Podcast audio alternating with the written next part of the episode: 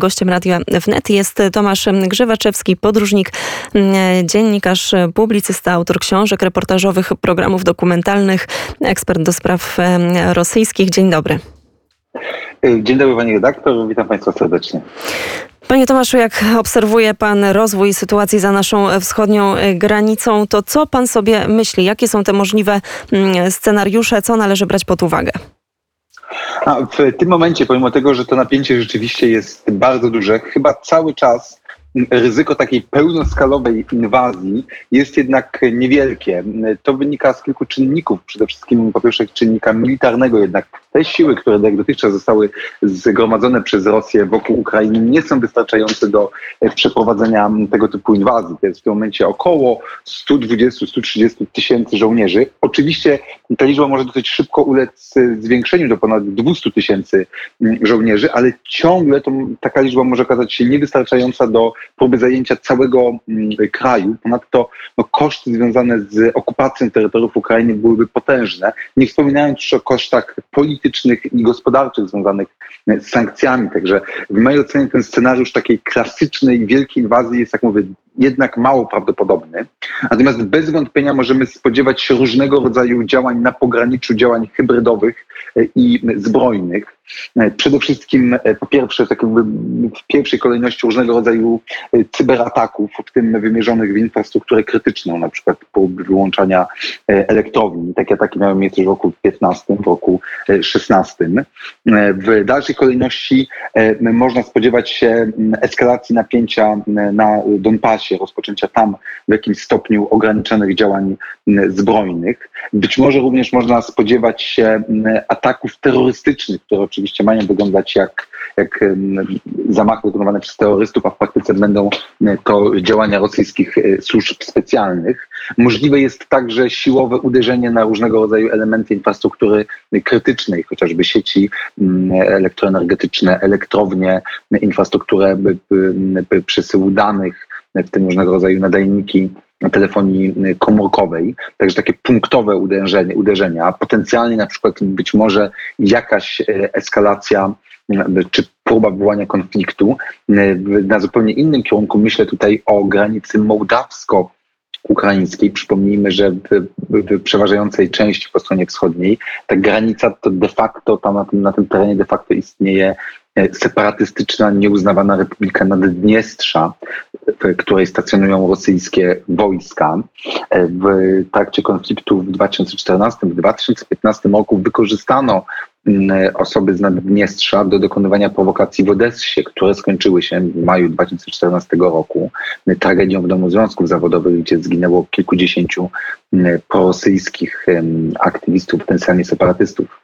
Wtedy śledztwo wykazało, że w przygotowanie tej prowokacji byli zaangażowani ludzie sobie z, z Naddniestrza. Teraz też jest to potencjalnie możliwe.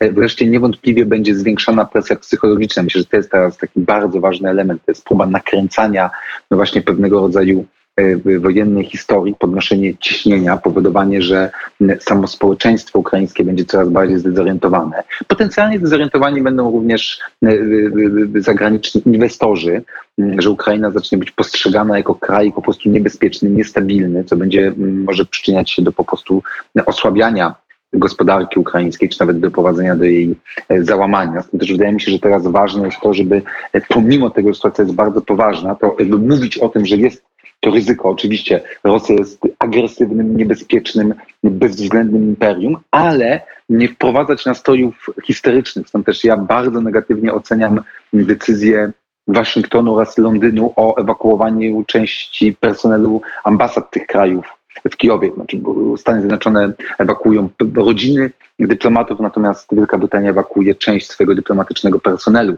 No bo właśnie to sprawia takie wrażenie, że za chwilę może dojść do wybuchu wojny, to niepotrzebnie właśnie może generować panikę. No a ponadto już z punktu widzenia dyplomatycznego to jest fatalny y, zabieg wizerunkowy, bo pokazuje, no, że z jednej strony tutaj Ameryka, Wielka Brytania wspiera Ukrainę, ale na wszelki wypadek swoich ludzi wycofa, bo, bo mogą im spaść na głowy bomby. Czyli jakby wspieramy, ale jednak już teraz, już w zasadzie zapobiegawczo trochę się ewakuujemy. Także ja myślę, że to była naprawdę bardzo, bardzo zła decyzja Stanów Zjednoczonych i, i Wielkiej Brytanii.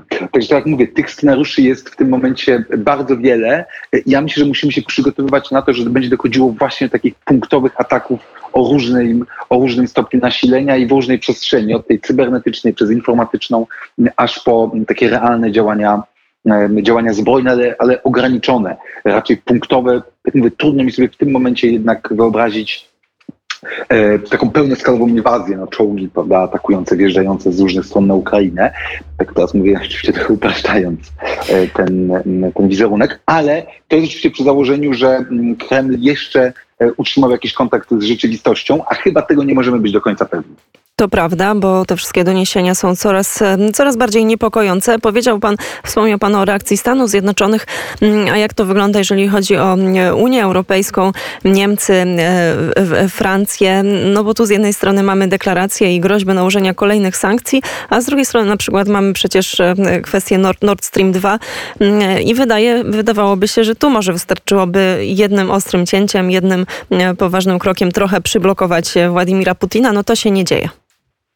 A czy to, że w tym momencie y, Nord Stream, 2, Nord Stream 2 powinien zostać zablokowany, to jest w ogóle poza dyskusją. To, że to jeszcze się nie wydarzyło, no niestety świadczy mm, o pewnej słabości Zachodu, ale przede wszystkim świadczy o tym, że Niemcy dzisiaj z tej pewnej, jednak mimo wszystko mm, pewnego tego sojuszu, który widać po, po stronie Zachodu, się wyraźnie wyłamują. Bez względu na to, jak rozwinie się ten kryzys, moim zdaniem wiarygodność Niemiec jako sojusznika pośród państw Europy Środkowej została w dramatyczny sposób e, nadszarpnięta. Znaczy Niemcy pokazały, że w obliczu tak poważnego zagrożenia, w obliczu możliwości wybuchu wojny, cały czas są skłonne robić interesy i iść na rękę Kremlowi. Myślę to nie tylko o Nord Stream 2, myślę również o tym, że pomimo licznych próśb Kijowa, Berlin odmówił dostaw broni na Ukrainę, minister obrony zdeklarowała, że może mogą wysłać szpital polowy.